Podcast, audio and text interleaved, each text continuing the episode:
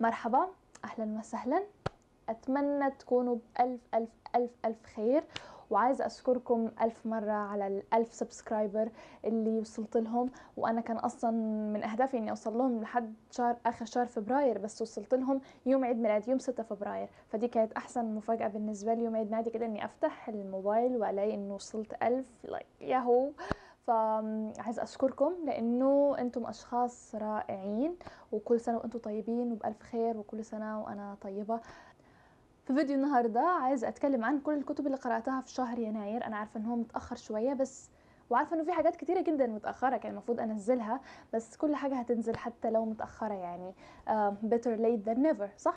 زي ما أنتم عارفين ان أنا خلصت اختبارات في 21 يناير فيعتبر بس كان بقيلي 10 أيام يا دوبك أقرأ فيهم. فقرأت بس ثلاث كتب وأنا يعني نوعا ما راضية عن الرقم لأنه حتى في الأجازة كان عندي كذا حاجة تانية عايزة أعملهم غير إني أقرأ. فكويس إني قدرت أقرأ ثلاث كتب وكانوا كلهم رائعين. يلا نبدأ. أول كتاب خلصته هو كتاب The Power of Now by Eckhart Tolle. الكتاب ده أنا اتكلمت عنه في الفيديو بتاع قراءة شهر سبتمبر وديسمبر. فزي ما قلت إنه الكتاب بيتكلم أو بيحكي عن تجربة إيكارتولي الروحانية. الكتاب بيجي في صورة أسئلة. كان بيسألها هو لنفسه وجاوب عليها وأسئلة الناس بيسألوها له إن هم إزاي يقدروا يوصلوا لفكرة الكتاب الرئيسية. فكرة الكتاب الرئيسية إن هو بيتكلم عن إزاي الإنسان يكون واعي إزاي الإنسان يكون حاضر في اللحظة اللي هو عايش فيها. يعني ما يشغلش دماغه باللي حصل في الماضي ولا يرهق تفكيره باللي هيحصل في المستقبل لأنه معظم الناس أصلا عايشين اللحظة بتاعتهم يا إما بيفكروا في الماضي يا إما بيفكروا في المستقبل. لكن هو بي بيوضح فكرة إنه إزاي تكون present إزاي تكون conscious إزاي تكون aware. يعني إنك تكون حاضر في اللحظة اللي أنت فيها إنك تكون كل حواسك وكل ذهنك بيفكر في اللحظة اللي أنت عايشها دلوقتي حالا. بشكل عام هو بيشرح وبيفسر بيفسر فكرة ال mindfulness إنه الإنسان يكون حاضر بوعيه بذهنه في اللحظة اللي هو فيها. ال mindfulness أنا كنت بقرأ عنها كتير في مقالات وكنت بشوفها في التلفزيون وكنت بسمع ناس بتتكلم عنها وعن تجربتها مع ال mindfulness وكنت قادرة أتصور يعني الفكرة الرئيسية إنه يعني إنك تتأمل meditation ويوجا وكده بس ما كنتش عارفة إيه بالظبط هي فكرة ال mindfulness. يعني إيه إيه الفرق بين mindfulness و meditation مثلا أو يوجا لكن الكتاب ده ساعدني إني أفهم فكرة ال mindfulness أكتر وإني أقتنع بيها أكتر. والأمثلة اللي هو ضربها في الكتاب كانت أمثلة يعني بتحصل معنا كلنا في يومنا وإنه إزاي تقدر تتواصل مع نفسك تتواصل مع جسمك وروحك بشكل صح وبشكل مظبوط يخليك عايش اللحظة يخليك مستمتع. الكتاب مش إن هو تنمية ذاتية أنا ما عنديش أي مشكلة مع كتب التنمية الذاتية لكن هو كتاب نقدر نقول إنه عصارة تجربة إيكارتولي في الحياة واللي هو قدر يستفيد منه. الكتاب كمان من الكتب اللي مش سهل ان الواحد لما يقرأها أول مرة خلاص يفهم الفكرة ويقدر يطبقها في حياته. لا أعتقد ان هو من الكتب اللي أنا شخصيا هحب إني أقرأها في, المست... في المستقبل أكتر وأكتر لأنه الأفكار اللي فيه محتاجة حد كل ما بيكبر بيفهم فكرة معينة لأنه بيربطها مع مع الحاجات اللي بتحصل حواليه ومع الفترة اللي هو عايش فيها. فالكتاب رائع ومفيد وأنا بتمنى إن كل الناس تقرأ أكتر أصلا عن ال mindfulness و meditation عشان خاطر يكونوا أشخاص رائعين أكتر وعشان خاطر يقدروا يكونوا مفيدين لنفسهم ومفيدين للناس اللي حواليهم. أنا قيمت الكتاب أربعة من خمسة في Goodreads تاني كتاب قرأته كان كتاب الثورجية لهناء زكي أو بالمصري الثورجية. في الفيديو اللي فات قلت إن أنا كنت بقرأه لأنه كان فترة 25 يناير فترة ذكرى ثورة 25 يناير فقلت خليني أقرأ كتاب متناسب مع الفترة اللي أنا عايشاها يعني وخاصة إن هو موجود عندي في المكتبة من زمان وكنت عايزة أبدأ فيه فقرأته. لكن الكتاب مش بيتكلم عن ثورة 25 يناير خالص ولا عن ثوار 25 يناير. الكتاب عبارة عن مذكرات وتدوينات وخواطر لهناء زكي وأصدقائها الثوريين اللي كانوا طلبة في كلية حقوق في سنة 1981 و 82 يعني في الثمانينات.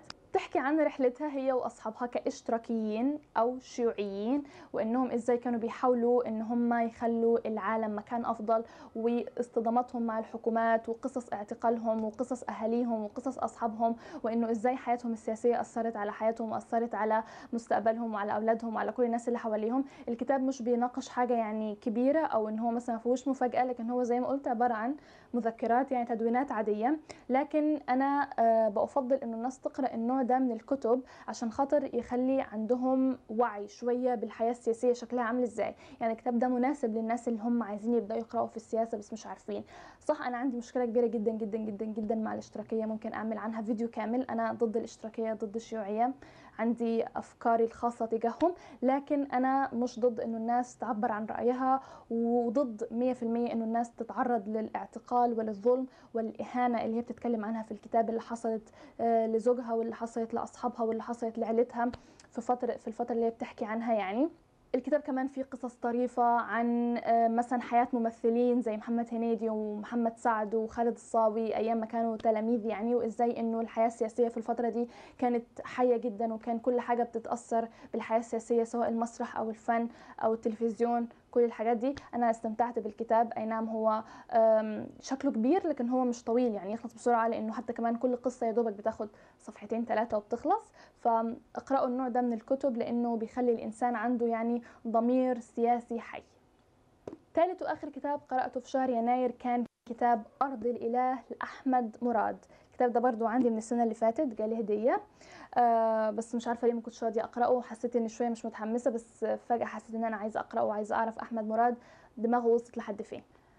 أحمد مراد من الكتاب المعاصرين المصريين المعاصرين وأنا مؤمنة إنه أحمد مراد هيكون لي مستقبل باهر في القراءة في الوطن العربي وفي مصر لأن أحمد مراد أنا شايفة وملاحظة ان هو بيطور من أسلوبه دايما وطول الوقت عنده خيال واسع وعنده خيال بيفكر حتى أسلوبه في الكتابة ولغته بحس إنها عماله ترتقي وعماله إنها تكون أكثر إثارة وأكثر شمولية يعني بيقدر يلاقي مصطلحات كويسة تناسب الموقف اللي هو بيحكي عنه.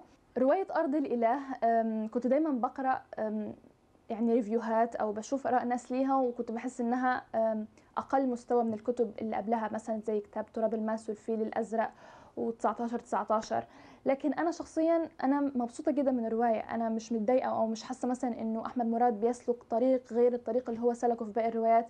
بالعكس حاسة إنه هو عنده تجديد وبقى عنده خيال أوسع وبقى بيقدر ياخد القارئ لأماكن آه، غريبة تحس إنه إزاي الفكرة دي جات له يعني أو إنها حلوة جدا. خاصة إنه أحمد مراد رواياته بتكون متكاملة متكاملة العناصر. يعني فيها أكشن فيها جريمة قتل فيها تشويق فيها عاطفة فيها سياسة فيها دين فيها رأي شخصي فيها حاجات خيالية. فأنا بحس إنه صعب إنه الواحد يمل وهو بيقرأ لأحمد مراد بالذات في رواية أرض الإله.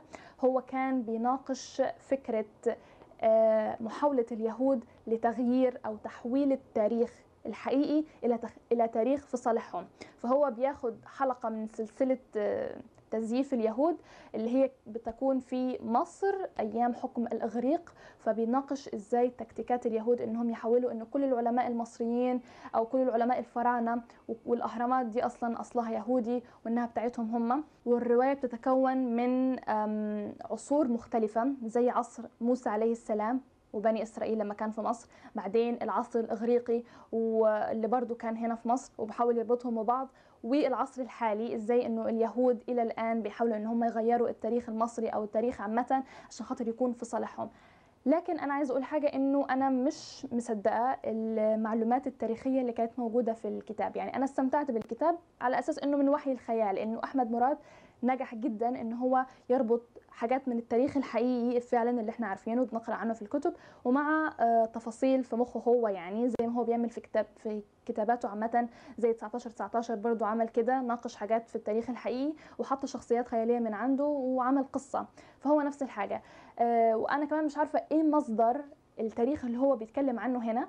لأن التاريخ اللي هو بيتكلم عنه مش مش مش مستوحى من التاريخ الإسلامي مثلا. يعني قصة فرعون وموسى مش زي ما إحنا عارفينها في القرآن. يعني المفروض ان في القرآن آه، فرعون خلاص بيموت في لما ربنا بيفتح النهر عليه وبيموت. لكن هنا كان دي نهاية تانية مش عايزه أقول عشان خاطر ما أحرقهاش. فانا مش عارفة هو مصدر التاريخ اللي هو جايبه منين. مش عارفة إذا هو كمان ألف ده من عنده ولا مثلا استند لحاجة تانية. بس حتى لو كان استند لمصدر آخر كان المفروض إن هو يذكره في كتابه مثلا إذا كان استخرج التاريخ ده مثلا من التوراة أو من الإنجيل أو من أي مصادر تانية بس هو ما كتبش ده خالص. فأنا اعتبرت إنه الرواية عبارة عن تاريخ من أولها لآخرها. تقييمي للكتاب كان أربعة من خمسة لأنه هو بصراحة عجبني من ناحية البداية من ناحية النهاية من ناحية الأحداث اللي حصلت في النص. كل حاجة عجبتني في الكتاب بصراحة بس أنا زي ما قلت إن هو أربعة من خمسة مش خمسة من خمسة لأنه هو ما كتبش مصدر ال- الحاجات اللي هو بيتكلم عنها دي جايبها من أنهي كتاب تاريخ. أو هو ليه ألفها كده فعشان كده أنا يعني تحسبا لتزييف التاريخ اديته أربعة من خمسة يعني. وبكده أكون خلصت كل الكتب اللي قرأتها في شهر يناير. كمان عايزة أقول إنه بناء على رغبة آه، كتير ناس طلبوا مني إني أكتب الكتب اللي أنا بقرأها في صندوق الوصف يعني عشان خاطر لو حد فيهم عايز يحتفظ بيها أو كده فأنا هكتبها وهعمل كده في باقي الفيديوهات فتقدروا ترجعوا لباقي الفيديوهات إذا عايزين تشوفوا الكتب اللي قرأتها في صندوق الوصف هعمل كده. ولو عندكم أي اقتراحات تانية تحبوا إن أنا أضيفها أو إن أنا أعملها يا ريت تقولوا لي عشان خاطر هكون مبسوطة إذا عملت حاجة يعني بتناسبكم. وأنا سعيدة جدا إن أنتم موجودين وسعيدة بتعليقاتكم وسعيدة بمشاركتكم وتشجيعكم وأتمنى تكونوا استمتعتوا واستفدتوا وإلى اللقاء.